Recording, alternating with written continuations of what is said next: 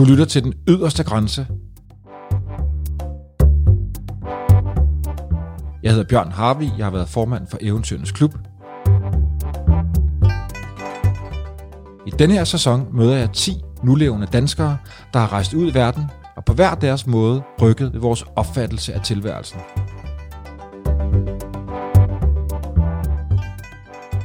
Jeg taler med en pilot, en krigskorrespondent, en pelsjæger, en vagabond, en naturfotograf, en ekspeditionsleder, en kunstner, en bjergbestiger, en hesterytter og en astronaut.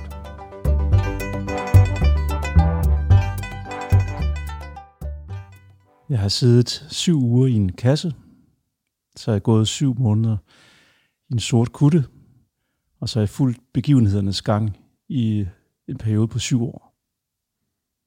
Stemmen her tilhører Lars Christian Krammer. Velkommen til den yderste grænse, Lars. Tak. Du øh, lever efter tallet syv, er kunstner har opfundet møntfoden Art Money, som er en konkurrerende valuta til den eksisterende. Og i dag skal du fortælle os alle sammen, at du har bygget dit liv omkring kombinationen af grænsesøgende kunst og eventyr, fordi du mener, at der her opstår de bedste historier. Og Lars, jeg har glædet mig rigtig meget, vil jeg sige. Det bliver, det bliver en, en, en rigtig god snak. Øh, Lars, hvorfor i alverden sad du i en kasse i syv uger? Øh, jeg vil gerne øh, prøve, om jeg kunne finde livets mening, øh, mens øh, der stadigvæk var tid til det. Og øh, der havde øh, på det tidspunkt allerede stået i lære et par år hos en, en troldmand, og, øh, som hed, hed, hed Eila Nimkis Kahin. Øh, han var en stor troldmand på vestkysten af Kanada. Og han havde vist mig forskellige bøger, blandt andet Dødebogen, den tibetanske dødebog, som jeg så læste på engelsk. Og i den bog er der et kapitel, der hedder Retreat. Og det fangede min interesse. Prøv at, fortælle om, ja, prøv at fortælle om det kapitel. Altså Retreat øh, var en mulighed for mennesker, som ikke var døde endnu, at komme ind og opleve de ånder, man skal møde, når man dør.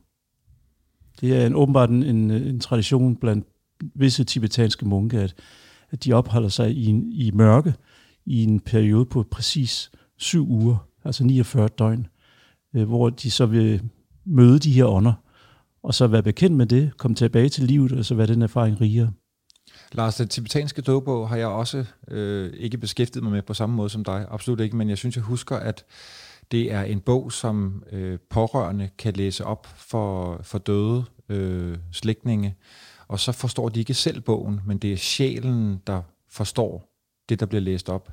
Lige præcis, det er en guide, som øh, man læser op for de nylig døde, øh, og, og, og leder dem igennem den her passage. Men øh, hvis man skal være en dygtig rejseleder i de egne, så er det en god idé faktisk at have været der først. Fortæl, hvad du gjorde. Og, og det er det, som de nok gør. De tager dig ind først ved at sætte sig i mørke. Jeg, jeg var ikke øh, tibetansk munk på nogen måde. Men jeg var mm, kunst, kunststuderende og mm, var blevet meget forvirret omkring, hvad kunst egentlig øh, skulle betyde, og, og, og mening med livet og sådan noget, og hvad vi er resten af mit liv. Så jeg tænkte, det kunne være interessant at, at bevæge sig ind, ikke som munk, men som billedkunstner i mørke. Og det er jo lidt absurd. Der kan man ingenting se. Men øh, det var det, der var spændende. At skabe et visuelt vakuum som billedkunstner, der måske kunne fremprovokere øh, trangen til at se, eller endda skærpe evnen til at se, ved og, og ikke have kunnet det i en, i en udstrakt periode. Du bor i Kanada, du går på et, øh, et kunstakademi, mm. og du beslutter, at øh, denne her, øh, jeg vil ikke kalde det happening, men i hvert fald det her med, at du bygger en kasse og sætter dig ind i den, er et form for, er det et afslutningsprojekt på skolen, eller hvordan var det? Ja, jeg havde håbet, det kunne blive et afslutningsprojekt, men det blev boykottet af mine professorer. Nå, okay. Øh, fordi de var ikke vi tager ansvaret for, hvad der vil ske med mig mentalt og, og fysisk i, i så lang tid i mørke. Men jeg fik øh, en tilladelse fra vores øh, rektor, og så kunne jeg gennemføre det som et kunstprojekt, en installation, hvor den først stod i et galeri i tre uger, og så blev flyttet ned i, i mit atelier, som lå i en kælder i de sidste fire uger. Fortæl, hvordan du gjorde det, Lars. Altså, hvordan du, du byggede kassen. Kassen var bygget af nogle store malerier, nogle portrætter af mine forfædre, som øh, jeg havde lavet, også lidt inspireret af troldmanden, ved at, at bruge nogle geometriske symboler fra en anden bog, øh, Madame Blavatskys øh, øh, store værk om, øh, hvad hedder den, et eller andet, øh, det har jeg lige glemt. Nå. Blavatsky var en stor indflydelse på det tidspunkt, og, og de symboler brugte jeg så på lærredet til at hidkalde ånderne fra de døde. Hold da op. Til de personer i min familie, som jeg portrætterede. Og så malede jeg dem over, så, men under maleriet var der de her øh, stærke symboler, og de passede faktisk lige til at bygge en kasse. Og det gav god mening at bygge en kasse ud af sine forfædre, når man skal ind og finde ud af, hvorfor man eksisterer. Så det var øh, fire malerier på, som vægge, og så et maleri som loft. Og så havde jeg lavet et gulv af træ, hvor i der var så en, skåret en, øh, en, øh, en, en lem, så jeg kunne åbne ned til en mørk krybekælder, hvor der stod en bakke til at kommunikere via. Det, det lyder jo helt vildt for, for os andre, som ikke ja, har leget med den slags ting. Lars, hvordan, hvor stor var kassen? Nu husker jeg, skal være, bogen hedder, den hedder Den uh, hemmelige doktrin. Okay, ja. Øhm, kassen var så præcis øh, så højt, så jeg kunne stå øh, og røre loftet, og så, så bred, så jeg lige kunne strække armen ud. Og jeg kunne sove udstrakt i diagonal ind i kassen på gulvet. Så den var ikke så voldsomt stor, men øh, da jeg ikke kunne se noget derinde overhovedet, så gjorde størrelsen jo egentlig ikke så meget. Nej, det kan man sige. Og så, så får du bygget en kasse, du får, du får tilladelse til, at den skal stå i et, øh, i et kunstgalleri. Øh, er det sådan, så folk kan komme ind og se kassen? det var i hvert fald tanken. Men øh, nu var det sådan, også ifølge troldmanden, at det skulle starte præcis den 21. december, og det var jo lige før jul. Så der var en fanisering med en masse mennesker og en hel masse medier på, hvor jeg kravlede ind i kassen, tog tøjet af og lagde det på bakken, og så lukkede lemmen, og så var det ligesom det. Og så stod folk og drak hvidvin og snakkede. øh, og så da de gik, jamen så var der stille, og så var der jo juleferie. Og hvorfor skulle det være den 21. december? Det er årets korteste dag, og det blev indrettet efter um, naturens cyklus, og kassen var indrettet efter nord, syd, øst, vest, også ifølge de her opskrifter fra, fra troldmandens visdom. Og så dukker der jo rigtig mange spørgsmål op, Lars. Hvor, syv uger i en kasse, hvad, hvordan, hvordan så et dag ud? Hvad, hvad gjorde du med mad? Hvad gjorde du med toiletbesøg? Jamen, det var jo lige præcis de ting, som dagen handlede om. Øhm, jeg fik mad tre gange om dagen. Jeg havde en god kammerat fra skolen, som hed Victor. Så han sad på, kom med mad og lavede mad til mig morgen, øh, middag og aften uden for kassen, og så skubbede det ind på bakken, og så kunne jeg så åbne ned til mørket, og så tage maden op. Spise, og så lægge maden ned igen på bakken, sammen med en lille pølse, og, og, og en tisseflaske, og så, så tog han sig af det. Så han var kassepasser? Han var simpelthen kassepasser.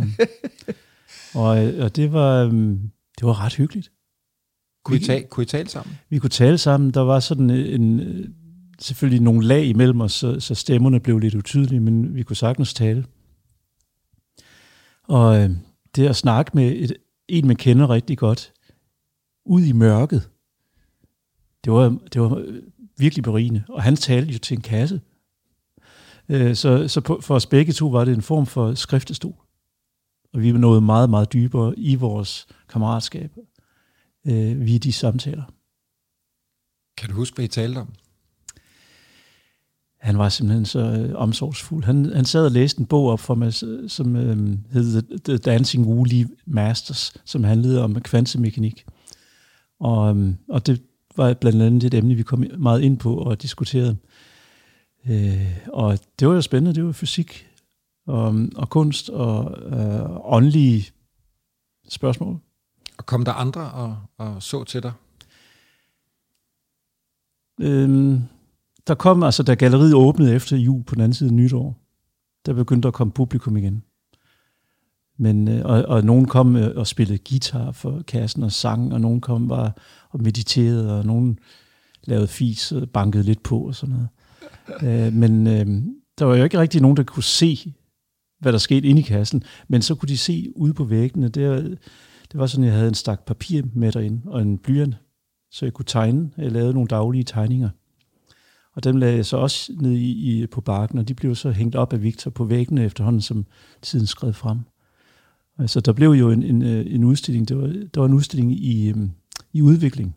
Der blev en udstilling af de kunstværker, du producerede inde i kassen. Lige præcis. Og hvad, hvad, hvad, var der, hvad, var det for, hvad var det for billeder, du lavede?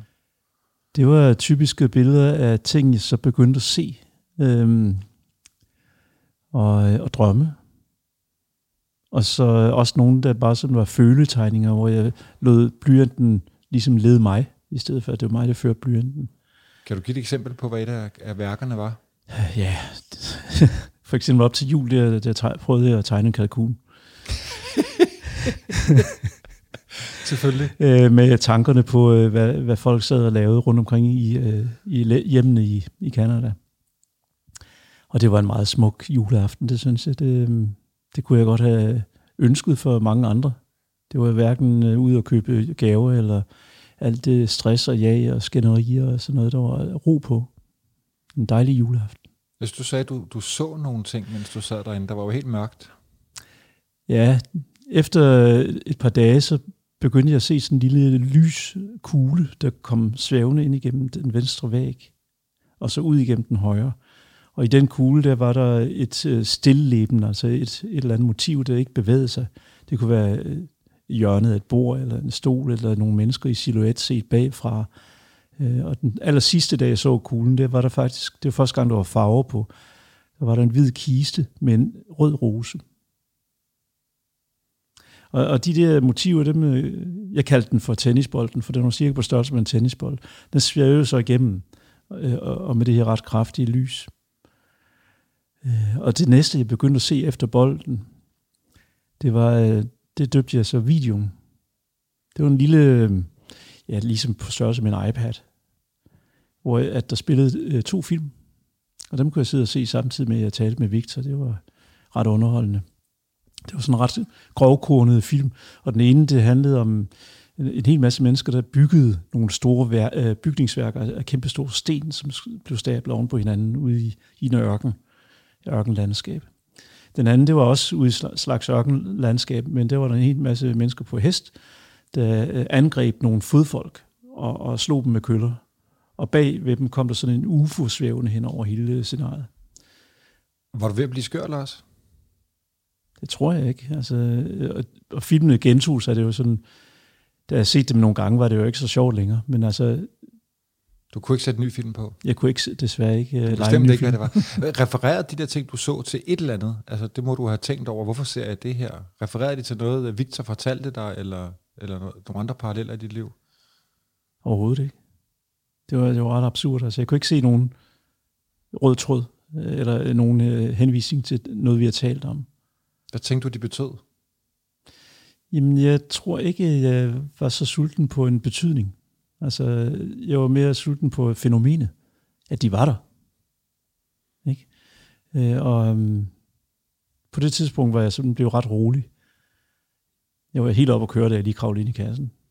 Men uh, der var roen faldet lidt på, og der var gået 14 dages tid, og, uh, og julen havde det ligesom også skabt noget ro, så det var fint.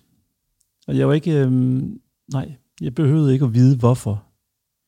Var der en plan, hvis nu øh, Victor er blevet kørt ned af en bus? Hvem skulle så komme og se til øhm, Ja, der var, øh, både Victor og Trollmann, de havde øh, Karl Blanche til at... Um, øh, ja, hvis de blev kørt ned, kunne de ikke gøre så meget, men altså, de har Karl Planks til at skille kassen ad og hive mig ud, hvis de bedømte, at jeg var, det var ved at rapple.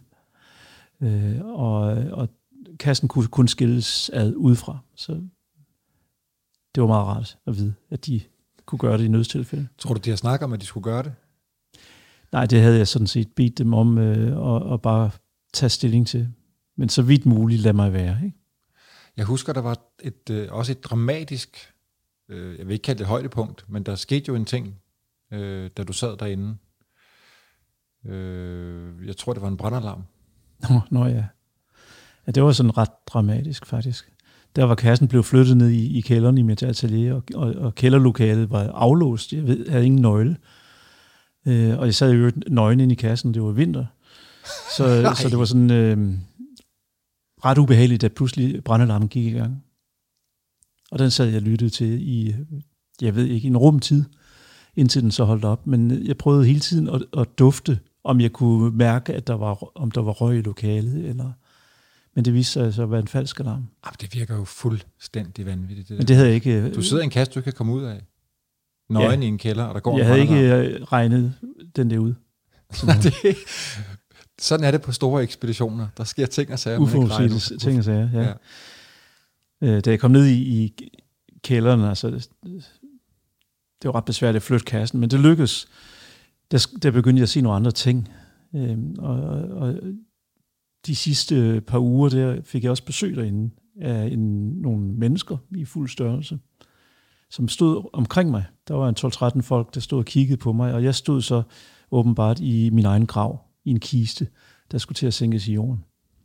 Så det var vel øh, noget, der lignede min begravelse. Men jeg stod op i kisten. Og så var der en dame på højre side, der rakte armen ud for ligesom at røre ved mig. Og det lykkedes hende aldrig. Jeg kunne ikke se folkene i ansigtet, jeg kunne ikke læse deres ansigtsudtryk, men de havde sådan pænt tøj på. Altså jakkesæt og kjoler. Og så var der et hedelandskab bag dem. Sådan et bugtet hedelandskab.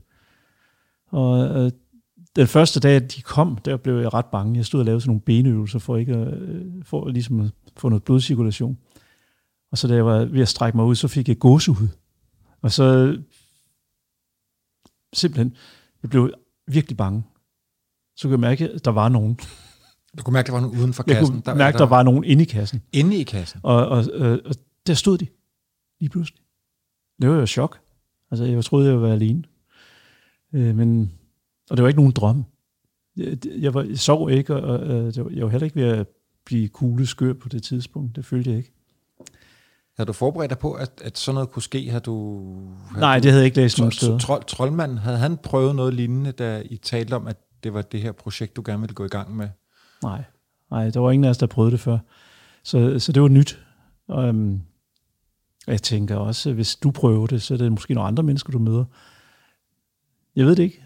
Og, og igen, der var ingen forklaring, og, og jeg var heller ikke øh, så nysgerrig efter at, at skulle øh, vide, hvorfor. Nej, du Jeg skulle heller- bare lige, øh, det, det, der var, vigtigt for mig, det var at erkende, at det skete. Og så Hvad- være til stede i det. Lars, da du sidder i kassen i så mange uger, hvad, hvordan, hvordan rykker det ved, hvordan du havde tænkt dig at bygge dit liv op? Ikke fordi du nødvendigvis havde en plan for dit liv der, men der, der må jo fødes nogle, nogle øh, ja, perspektiver, nogle drømme, et eller andet, at øh, når jeg en dag kommer ud, så skal jeg, skal jeg ændre mit liv, skal jeg, nu tænker jeg anderledes, end jeg Mm. gjorde før. Kan du, kan du give et eksempel på, hvad det var for nogle, nogle ting, du egentlig sådan, jeg ved ikke konkluderede, det ved jeg ikke, om du gjorde, men Jo, men det gjorde jeg sådan set. Jeg konkluderede, at jeg skulle leve mit liv, i stedet for at forberede mig på at leve mit liv. Som, øh, som mange mennesker gør, som vi lærer at gøre i forbindelse med at tage en masse uddannelse, gå på arbejde, tjene penge, spare op til en pension og så videre. Og, øh, at vi hele tiden sidder fastlåst i, i nogle riller øh, på vej et sted hen, hvor vi aldrig ankommer. Og det besluttede jeg på det tidspunkt, at det skulle jeg ikke. hvad betyder det så at leve sit liv? Jamen det betyder jo sådan set at, at være tilstedeværende så vidt muligt øh, i det, der sker omkring dig, og, og, og deltage aktivt, øh, og have tid til det. En vis frihed. Øhm, så jeg havde ikke lyst til at være lønslave, og, eller slave øh, på nogen anden måde. Det viste sig så senere, det skulle være svært at undgå. Men øhm, jeg ville være fri nok til at kunne leve mit liv, så jeg kunne se mig selv i øjnene øh, den dag, jeg skal dø, og sige, det okay, jeg fik da gjort det. Og dit, dit, din, øh, din syv uger kasse føder jo en, øh, en ny idé. Øh, jeg kan ikke huske, om det bliver, bliver den født inde i kassen, eller er det noget, der kommer til dig bagefter, at du skal, du skal, du skal gå, du skal leve Nå. i en, i en, jeg vil kalde det en munkekutte. Du har faktisk taget den ikke kun med i dag, du har taget den på. Foran mig her sidder du i, hvad jeg vil kalde en munkekutte. Ja. Kan du fortælle os lige, hvad det er, du sidder i? Øhm, jeg kan lige øhm, øh, tage hætten på. Det giver nok også en anden lyd. Øh, nu har jeg taget hætten på, fordi et, så kan man bedre se indad. Kutten, det var øh, et resultat. Jeg skal lige løfte en lille smule, jeg vil også gerne se dig i øjnene. Kutten var et resultat af mange af de samtaler, jeg havde med Victor. Og, og vi besluttede at lave et projekt, et syv-projekt, til at følge op på de syv uger. Og det skulle så være syv måneder. Og da vi var ved at blive færdige på øh, kunstskolen, så besluttede vi os for at skrælle al identitet af og starte på bare bund. Og hvordan gør man det? I et fælles projekt. I et fælles projekt. Victor, der, han var jo faktisk ret meget med i det første, så det gav måske god han var, han var totalt meget med. Ja. Øhm, og, og han var i, i hvert fald også med i Kutte-projektet. Så um, Kutten gik ud på at skrabe øh, så meget identitet af, altså alt det, vi har, ligesom har påført os, iført os øh, i, i løbet af vores liv, og så starte på bare bund med ikke at være nogen. Og, øh, fordi det her med at blive færdig på kunstskolen, det var en slags fødsel, genfødsel. Øh, og, og det her, det skulle så være øh, markere øh, day, day one. Så vi tog kutten, vi syede kutterne øh, ganske kort før vores afgangseksamen i hånden. Altså, øh, vi lavede ud af sort lærred, bomuldslærred. Vi var begge to billedkunstnere og arbejdede på bomuldslærred. Så vi tog det materiale til os, valgte farven sort, for det Jamen, skulle være er det, noget, man kan, er det noget, man kan male på? Øh, det her kunne man male på, så det er simpelthen øh, bomuld. Og så syede vi øh, det hele i hånden med korsting. Så den er, den er syd øh, meget, meget primitivt, må jeg sige, men den blev ret lækker. Øh, han, hans blev lidt større, for han var en, en lang fyr, ligesom dig. Og øh, da vi så blev færdige med dem og tog dem på, ud på den her græsplæne, hvor vi har siddet og lavet dem, ja, det, der gik ligesom et gys igennem os. Det er et meget kraftigt stykke tøj at iføre sig. Det ligner meget en benediktermunk øh, kutte. Men det her, det er ikke en, en religiøs dragt. Det er et kunstprojekt, det er street art, men det er også noget for at, at søge ind af, tænker jeg. Og, og det kan man virkelig mærke, når man tager den på. Bare det at kigge på hinanden på den måde, det var, det var underligt. Fortæl, hvad det er for en kraft, øh, du, du kunne mærke, hvis der går et gys igennem dig, altså rent fysisk. Ja, hvis du nu forestiller dig at, at øh, klæde dig i, i lak og læder, og, og, og troppe op til en konfirmation sammen med, hos din familie, og de er fuldstændig uforberedte. Ja, jeg, jeg, jeg kan faktisk så vil du have det på en bestemt måde, og det vil de bestemt også. Ja. Så, så øh, det, tøjet gør enormt meget til, hvordan vi har det indad til, men også hvordan vi bliver opfattet udefra. Men Lars, var det så og behandlet. Et, var det så et, var det, øh, forstå mig ret, et, na- et naivt projekt på den måde, at vi faktisk sagde, at vi forsøger at skralde alt af, for at komme ind til det næste lag. Det der, det der, øh, der er, kan oftest være en distance mellem mennesker, er det, man også går klædt i. Men nu tager I lige pludselig noget på, som for mange vil symbolisere øh, for eksempel en religiøs øh, hvad hedder det, person. Ja. Der må, kommer der folk op til jer på gaden og, og tror, I er en eller anden form for religiøs autoritet? Det kom til at ske. Øh, det første, der skete, det var, da vi begge to gik hjem til vores respektive koner. Ja, du havde jo en kone, da du sad inde i kassen. Ja, øh, og, og der for sjov ringede jeg på derhjemme, du ved, og jeg havde også barberet alt håret af, så jeg var skaldet, og jeg købte et par sandaler. Og så stod jeg der og lignede jo nok en munk. øhm, og ringede på, og så, da, da, så åbnede hun. Og hun synes jo ikke, det var sjovt. Det vil nogen forstå, at hun ikke synes. Øh, jeg forstod det ikke. Nej, nej. Jeg, det var jo øh, for at være morsom. Men øh, hun begyndte bare at græde, og, og vendte ryggen til og sagde, at jeg kunne pakke en kuffert. Hun har fået nok nu. Åbenbart. Og øhm, det, det kom bag på mig. Det samme skete hjemme hos Victor, men han var gift med en advokat, så han blev skilt lynhurtigt. øh, og så vi røg på gaden, og så måtte vi øh, købe hver vores øh, varevogn, som vi flyttede ind i. Øh, sådan en billig varevogn. Og, og jeg endte med at bo i min i halvanden år. Det var faktisk ret hyggeligt. Og I havde kutten på i I Syv syv, måneder. måneder. I syv ja. måneder. Ja. Hvordan gik det med Victor? Fordi der skete jo noget i hans liv pludselig. Jamen, det er som de der skønne ting, som man ikke kan forberede sig på, men hvis man har tid til dem, ligesom øh, øh kan berige ens liv. Og det skete øh, noget for Victor.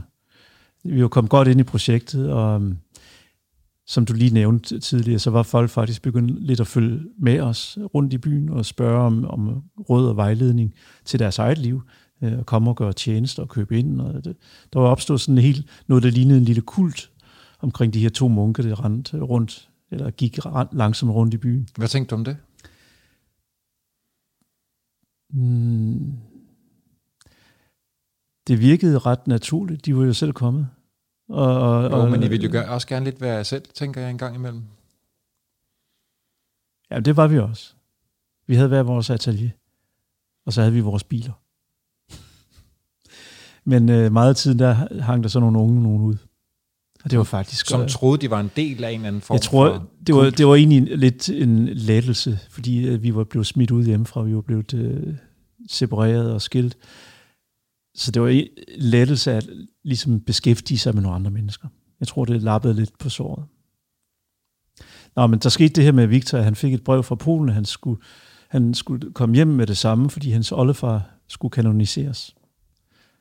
Og det var en kæmpe begivenhed. Det var sådan en verdensbegivenhed. Altså, han var højt inden for den øh, polsk-katolske kirke.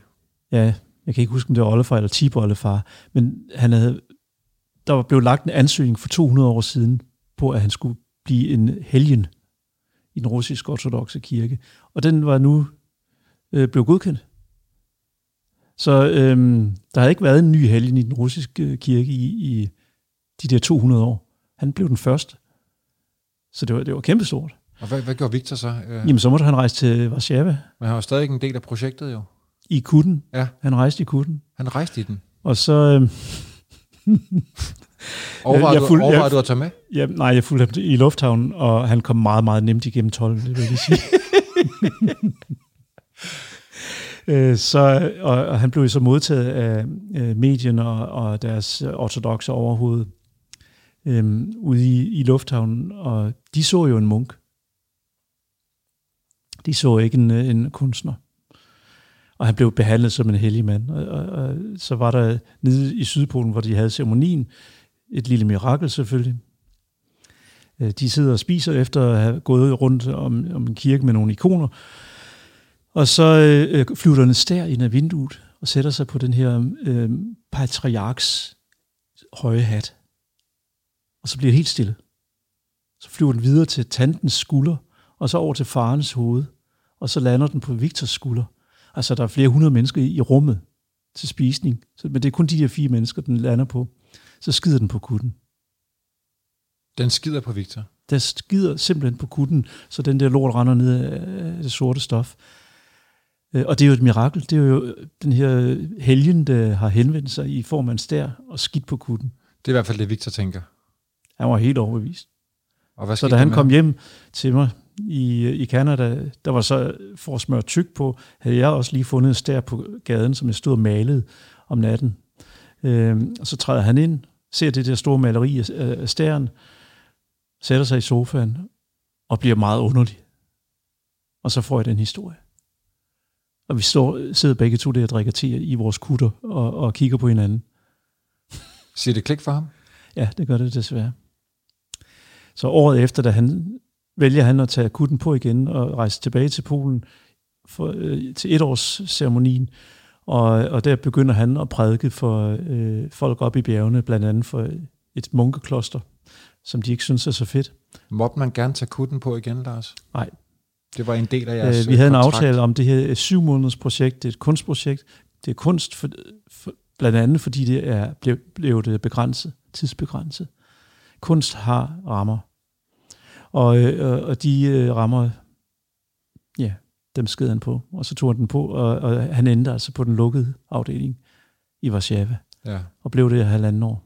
Okay, så det, han, han kunne ikke adskille de to ting. Han blev det. Han fik det klassiske Jesus-syndrom, og han var jo, han var jo Jesus.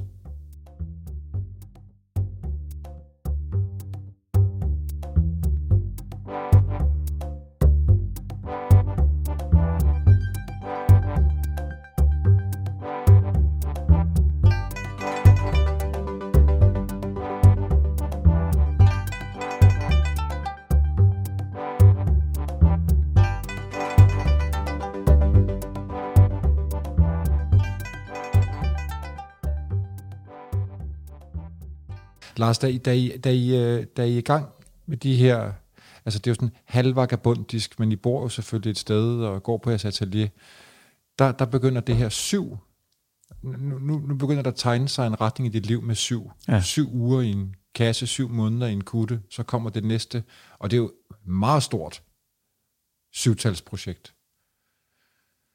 Jeg var kommet tilbage til, til Danmark. Min fætter havde hentet mig, og vi har lavet sådan en eksperimenterende galleri til, øhm, ind på Sønder Boulevard, hvor vi øh, undersøgte øh, alle mulige mærkelige ting. Vi kaldte det Rådet Fornuft, NUFT, og det brugte vi som til alt. Øh, så der lavede vi eksperimenter, og vi havde noget publikum og sådan noget. Men øh, det, du hentyder til, det er nok syvårsprojektet. Ja, altså Ja. de her øh, sy- syv år af... Fordi at, hvad, hvad øh, kalder du det? Du kalder det sy- syv år tilfældigheder. På det tidspunkt havde jeg besluttet hver syvende år at skifte livsstil. Simpelthen at, øh, at tage et kapitel og leve det i syv år. Skrive mit liv i kapitler. 10 kapitler. Og, øh, og i stedet for at øh, starte med begyndelsen, så startede jeg sådan set med slutningen. Ved at sætte en, en dato for min død. Du har en gravsten stående i dit øh, Jeg har en gravsten i atelieret. Øh, og, øh, Hvor der er en slutdato på, skal jeg lige hilse at sige. Øh, ja, den, den, der kommer faktisk en stenhugger her næste uge og, og mejsler den ind, øh, fordi jeg har ikke fået den skrevet på øh, stenen endnu. Det vil mange jo kalde øh, absurd eller vanvittigt, Lars. Hvad, hvad, hvad skal den øh, gravsten mindre om? Hvor, hvorfor skal du lave den? Altså hvis du øhm, har et hvilken som helst projekt, så det er det rart at vide, hvornår det slutter. Og hvis du ser livet som et projekt, og du ved, hvornår det slutter, eller du beslutter dig for, hvornår det slutter. Man kan jo aldrig vide på forhånd.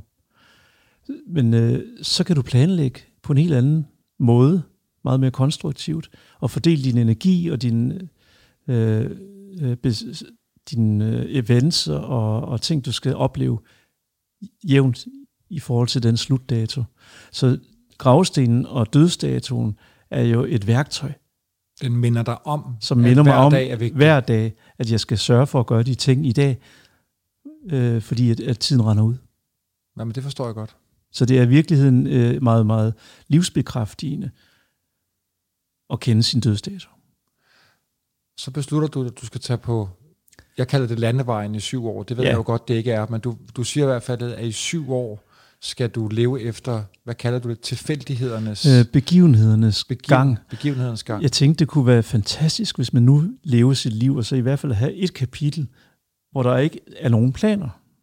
Altså hvor man ligesom driver, go with the flow, eller hvad man siger. Og hvor sjældent er det ikke i, i vores samfund, at man, man har syv år, man har måske en weekend, hvor man ikke skal noget, men syv år, hvor man ikke skal noget. Så i frygt for, at du er blevet irriteret på mig, så det, jeg, det kommer til at minde mig om ham her, historien om terningmanden, der hver gang han skal tage en beslutning, skal slå en terning. Og det ved jeg godt, det ikke er. Men, men øh, forklar mig, hvad betyder begivenhedernes gang? Altså, er det tilfældige ting, der dukker op, som du skal tage øh, stilling til, uden at du kan planlægge det? Terningmanden er måske et meget godt eksempel. Det, den er nem at forstå. Men øh, der, der er nogle, nogle ret streng, strengende regler for, hvad han skal gøre, hvis den slår en femmer eller en treer. Øh, jeg har ikke nogen terning. Du er min terning. Andre mennesker er min terning. Og det er dem, der slår. Jeg ved ikke, hvad der kommer op. Men min regel var, at jeg måtte sige ja eller nej. Men jeg måtte ikke selv finde på ting. Så jeg skulle i syv år ligesom sige ja og nej til det, som jeg blev anbefalet, eller det, jeg hørte, eller det, der udviklede sig naturligt i langs begivenhedernes gang, for at få en, øh, prøve de ting, som ligger uden for min egen øh, værktøjskasse og, og ambitioner og ønsker. Prøve noget nyt. Hvad var det vigtigste, der skete? Jamen det vigtigste, mærkeligt nok, var, at øh, jeg fik børn. Ja, og øhm, det havde jeg slet ikke ønsker om. Det må jeg sige. Fortæl, hvordan du mødte din Øhm, men men nuværende det, kone og mor til, til dine to børn, Lars. ja, det var så også et, øhm, en installation. Det var sådan, jeg tog faktisk til Canada igen hvert år og lavede øh, udstillinger og installationer. og der var jeg rejst over med en invitation til at lave hvad som helst i et galeri. Og det var meget, meget flot. Så jeg tog på biblioteket for at finde inspiration. Og der sad der en sød japansk pige, som jeg faldt i snak med, og inviterede ud på kaffe. Og da vi går forbi en, en butiksrude, så synes jeg, at vi ligner lidt i far, forbifarten John Lennon og Yoko Ono. Og så får jeg den idé, at jeg kunne jo lave en bed ligesom de lavede i 1969 i Montreal. Sengen i vinduet. Det sprog, som de skabte dengang, er jo ikke blevet talt siden. Og hvad var det for et sprog? Det var bed det var et sprog, at de sad, lå i en seng og talte ud til verden. Det var et billedsprog. Kun, kunne man tale med dem dengang? Ja, der var journalister, der kom og besøgte dem. Og jeg brugte den samme model. Jeg tænkte, nu har vi nogle andre ting, vi skal tale om. Øhm, blandt andet, øh, der var AIDS og sådan nogle øh, ting, hvor at folk, der elsker hinanden, kan komme til at slå hinanden ihjel. Og det var jo forfærdeligt, men også interessant. Så vi, vi øh, besluttede at snakke om viruser, øh, og kaldte projektet We Are Us, virus, ligesom Are Us. Meget smukt. Og så fik jeg arrangeret en, en Rolls Royce, en chauffør, et øh, crew, øh, en avis og, og, øh, og en dobbeltseng. Vigtigst af alt. Ja. Og hun løb ikke skrigende væk. Hun havde jo sagt ja til, at hun godt ville være med i et kunstprojekt. Og, og øhm, det stod hun ved. Det var flot. Så vi kravlede... Øh, nej, vi kravlede ikke. Vi, vi, øh, vi var i den anden ende af byen og tog tøjet af, og så kravlede vi ind i den her Rolls Royce og blev kørt nøgne på bagsædet gennem byen øh, foran et kamera. Og steg ud på gaden foran et publikum, gik op i sengen på galleriet og kravlede ind og blev der i syv døgn. Simpelthen. Og, og der lærte vi også hinanden at kende. Så da jeg rejste tilbage til Danmark, så blev vi ved med at skrive sammen. Hun kom og besøgte mig to gange, og den anden gang blev hun i Danmark. For altid. Forever, ja. Og nu har jeg fået to drenge, der, nu, begge, der begge to hedder syv. Ja, naturligvis. Ja. Da vi skulle finde et øh, navn til den ældste, så øhm, måtte vi søge, søge til de øh, japanske gamle navne, og fandt ordet Sanshiro, som øh, betyder 3-4. Sanshi. Og da vi fik bare nummer to, så måtte vi tilbage og søge de gamle navne, og fandt navnet Kishichiro, som betyder de syv glæder. Ja, men det er så smukt. Og så har de jo fået nogle meget unikke navne, ja. øh, i, øh, som de lever fint med. Lars, undervejs på de her syv år, øh, opstår der jo en anden ting, som faktisk også bliver utrolig vigtig for dig. Øh, jeg har faktisk et par stykker af dem ja. liggende foran på bordet i dag. Øh, Art Money.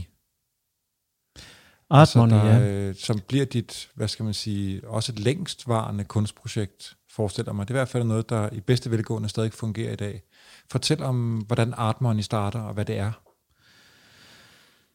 Øh, det er en måske meget naiv øh, måde at gå til pengesystemet, eller komme ud af pengesystemet, ved selv at lave sine penge. En art money er jo et kunstværk, unikt kunstværk, som ja. skal fungere som øh, en form for udfordrende valuta på det eksisterende. Ja, det kan man sige. Altså, jeg havde jo valgt ikke at tjene penge, og, og har derfor haft øh, voldsomme lommesmerter øh, i min tid som øh, maler, eller hvad man skal kalde det. Og, og Artmoney var øh, mit svar på, hvordan pengene skulle være, hvis der skulle være penge her i verden.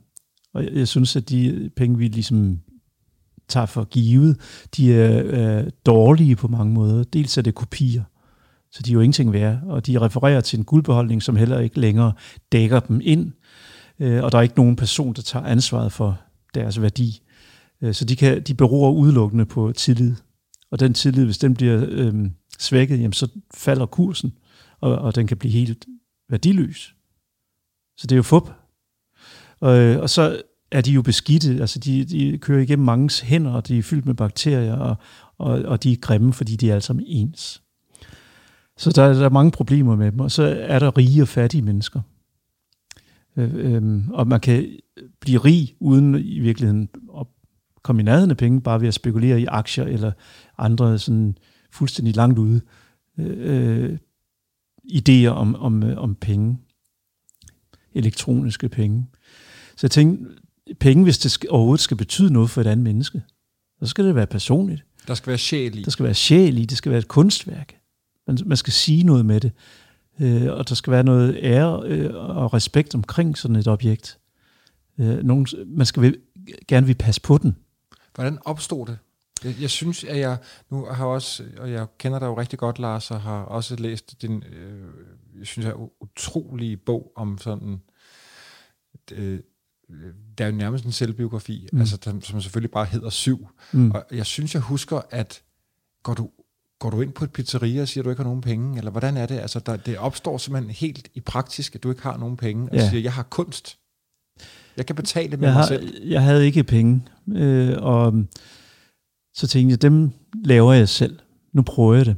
Jeg havde en god kammerat, Lennox, som anbefalede, det gør han jo altid, at jeg skulle læne mig ind i problemet og gøre det til noget mod det modsatte af et problem, en udfordring. Det lyder også godt.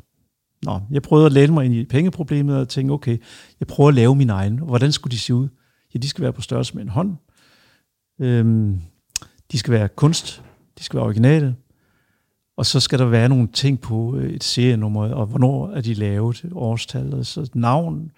Og så tænkte jeg, den skal da også være allemands eje. Alle skal kunne lave dem. Ellers er det ikke sjovt. Så jeg tænkte straks på en global valuta. Og derfor fandt jeg på at kalde den noget på engelsk. Art money. I et ord. Det ord fandtes ikke i forvejen. Der fandtes art money i to ord, men art money i et ord, det stod ingen steder. Men kan du huske første gang, du lavede altså den første art money, og du gik op til et andet menneske og sagde, jeg betaler med ja, den her. det kan jeg tydeligt huske. Og, og hvordan den så person reagerede? For det, øhm, de første fire art money blev solgt. Dem vekslede til en, øh, med en kunstsamler, øh, som hed Jesper, og han kom ned og købte dem for 100 kroner stykket. Det var kursen, jeg havde sat på det tidspunkt. Og så havde vi vekslet, så havde jeg 400 kroner, så tænkte jeg, det næste jeg gør, det er, at jeg cykler ned i byen og prøver, om jeg kan bruge min butik. Og der fandt jeg en, øh, en butik, der hedder Guff, hvor de sælger musik. Så jeg gik ned og spurgte, om jeg kunne købe en CD for Art Money. Og han spurgte bare, hvad er art money?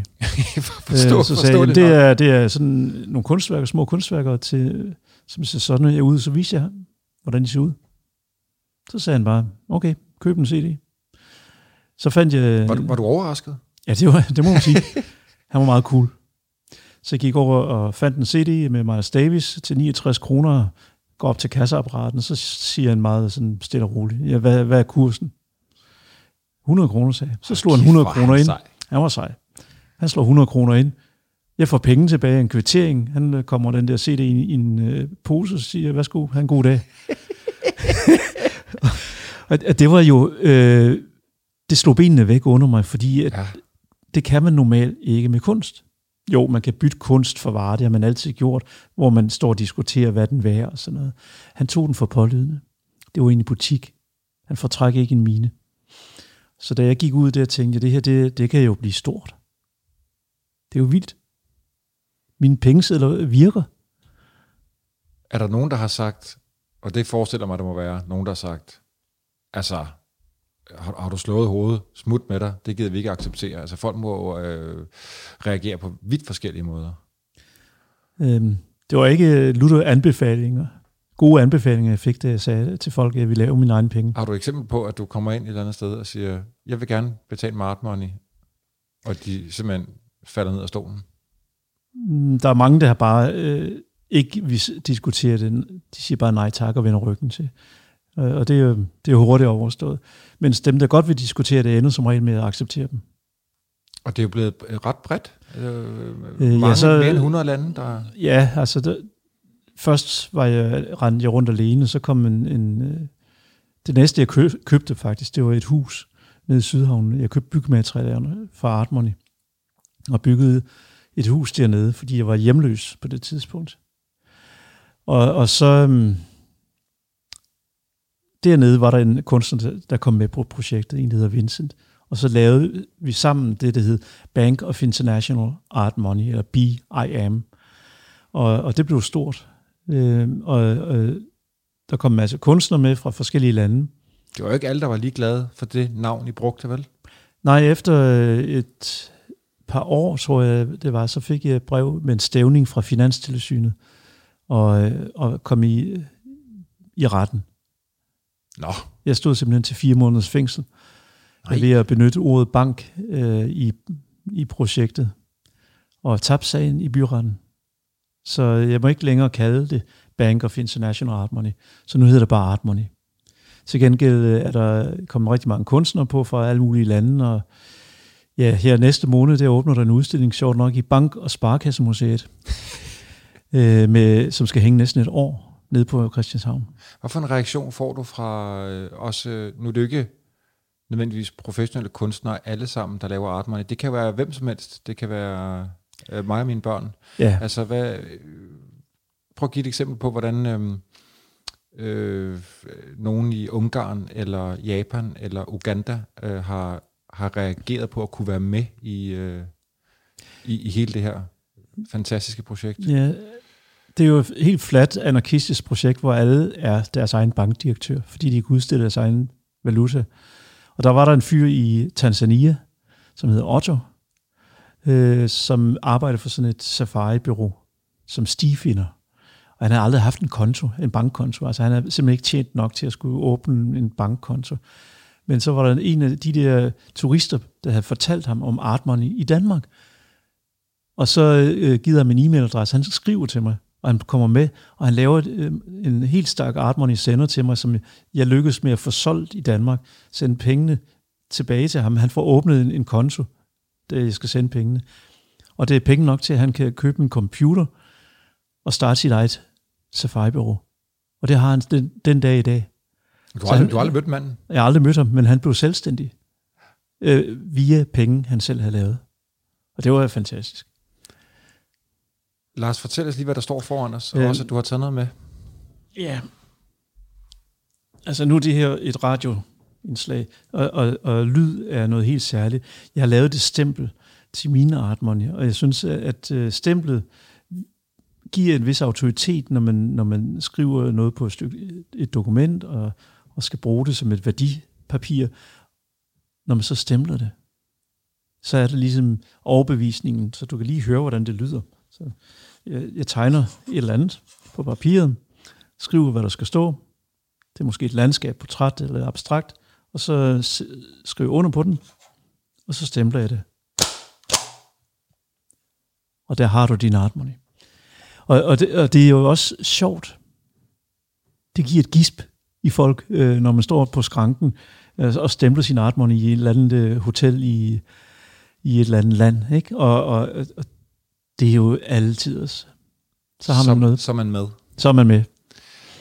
Jeg blev så lige at høre om ham, øh, hvad hedder det, troldmanden, øh, ja. Lars. Han, han, har, han, han lader til, at han har sat det der i gang hos dig allerede dengang. Altså, det var ham, der var med på ideen om kassen og så videre. Prøv at fortælle om ham. Ja, han, øh, har møder jeg, mens jeg går på kunstskole, og han bliver sådan set en meget vigtig lærer for mig efter skoletid, øh, og, og han viser mig øh, alt grundlitteratur, al rodlitteraturen, så springer alle mulige fortolkninger over i, i den store litterære verden. Og så øh, tager han mig jo med ud og, og spise svampe, eller gå i naturen, svømme i havet, og, og øh, en hel masse yogaøvelser og så videre. Hvad, hvad betyder det at være troldmand? Altså, hvordan... Øh... Han beskæftigede sig faktisk professionelt ved at, at lave folks navne om, sådan at numerologisk, at, at de kom i den retning af deres liv, de ønskede sig. Øh, han, der var en hel masse Hollywood-skuespillere, der kom til ham og fik deres navne lavet om i, i forbindelse med karriere og så videre. Når man hører ordet troldmand, så tænker man en særling med store tykke briller og kæmpe skæg og en høj hat og en stok og et køkken, der, hvor der står, du ved, gryder, der bobler med fiskehaler og svampe og mærkelige ting. Har du været der? er det sådan, han ser ja, ud? Du må gerne fortælle, hvordan han ser ud. Jamen, altså, han, han vaskede sig kun i saltvand, ikke? Det gør han stadigvæk. Jeg, jeg så ham her for to år siden, tre år siden. øh, og um, i havet, ikke? Og han har virkelig langt hår, helt ned til røvballerne. Flot hår. Skæg. Store buskede øjenbryn. Is krystalklare, stigende øjne. Øh, og, og totalt sund. Og han har været øh, veganer siden øh, 60'erne. Så han, øh, han strutter af sundhed, og han, jeg har så været heldig at være oppe i hans, kan man kalde det, bolig, øh, under, under taget i det, det gamle træhus i Vancouver, hvor der netop er alle de der ting, du lige har beskrevet. Og, og der bor han stadigvæk? Der bor han nu. Du... Han, han var forsvundet, øh, han skiftede navn, efter jeg havde været hos ham, så skiftede navn til Nathan Holiday, og forsvandt, og der var han væk i, i øh, mange år. Ja, for jeg kan huske, du har fortalt dig, at øh, du var lidt ked af, at I havde tabt kontakten, og I ikke havde set hinanden. Men, der var ingen, der vidste, hvor han var. Mirakuløst møder du ham for et par år siden med din med Ja, din jeg var familie, øh, ikke? med mine øh, børn i, i Vancouver, så havde vi hørt rygter om, at nogen havde set troldmanden nede i byen. Og så vidste jeg jo, hvor han var. Når der, på solskinsdag, der sad et bestemt sted på en fjern strand. Og så tog vi chancen og øh, tog bussen ned og fandt stedet. Og mine børn blev sluppet løs på stranden, og så sagde jeg, find en troldmand. Så fandt de ham sgu. De var ikke i tvivl. Nej, det, det er man ikke, når man ser ham. Nej. Hvad sagde han til gensynet? Ja, han blev meget glad, øh, og, og vi kom hjem til ham, og han lagde min kones øh, numerologi. Så um, hun har wow. så også øh, skiftet navn. Wow, Lars. Kan I holde kontakten nu, eller hvordan? Han er kommet på Facebook, Han er kommet på Facebook. Hold da op. 2020. så øh, 2020, så nu øh, kan man faktisk følge lidt med. Ja. Mm. Og har, har, har, du, har du tænkt dig, at, altså, altså ikke at nødvendigvis at skrive om ham, men ligesom hvordan øh, ha- hans historie, den skal ligesom bare være der, og så gives hans inspiration videre øhm. til dig, Øhm. der fortæller det. Nu ved jeg godt, altså, at øh, eventyr, øh, som øh, man møder rundt omkring, øh, en af deres ypperste opgaver, det er at formidle historien videre. Det gælder ikke troldmanden. Nej. Han skal overhovedet ikke formidle sin historie. Han skal ikke skrive den, han skal ikke fortælle den. Han er bare. Og, og, og, og, og han er, er, på den måde er han jo et meget øh, oprigtigt menneske.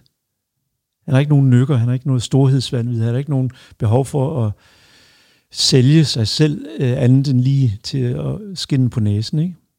Så han laver de der øh, numerologiske ting, og så lever han ellers spartansk. Men han har sat gang i nogle ting. Han sætter gang i, i nogle ting øh, hos alle de mennesker, han møder.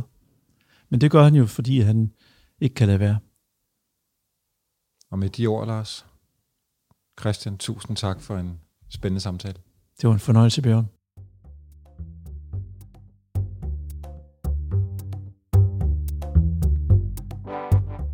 Den yderste grænse er produceret af kontoret Jul for Nationalmuseet og Radio Loud.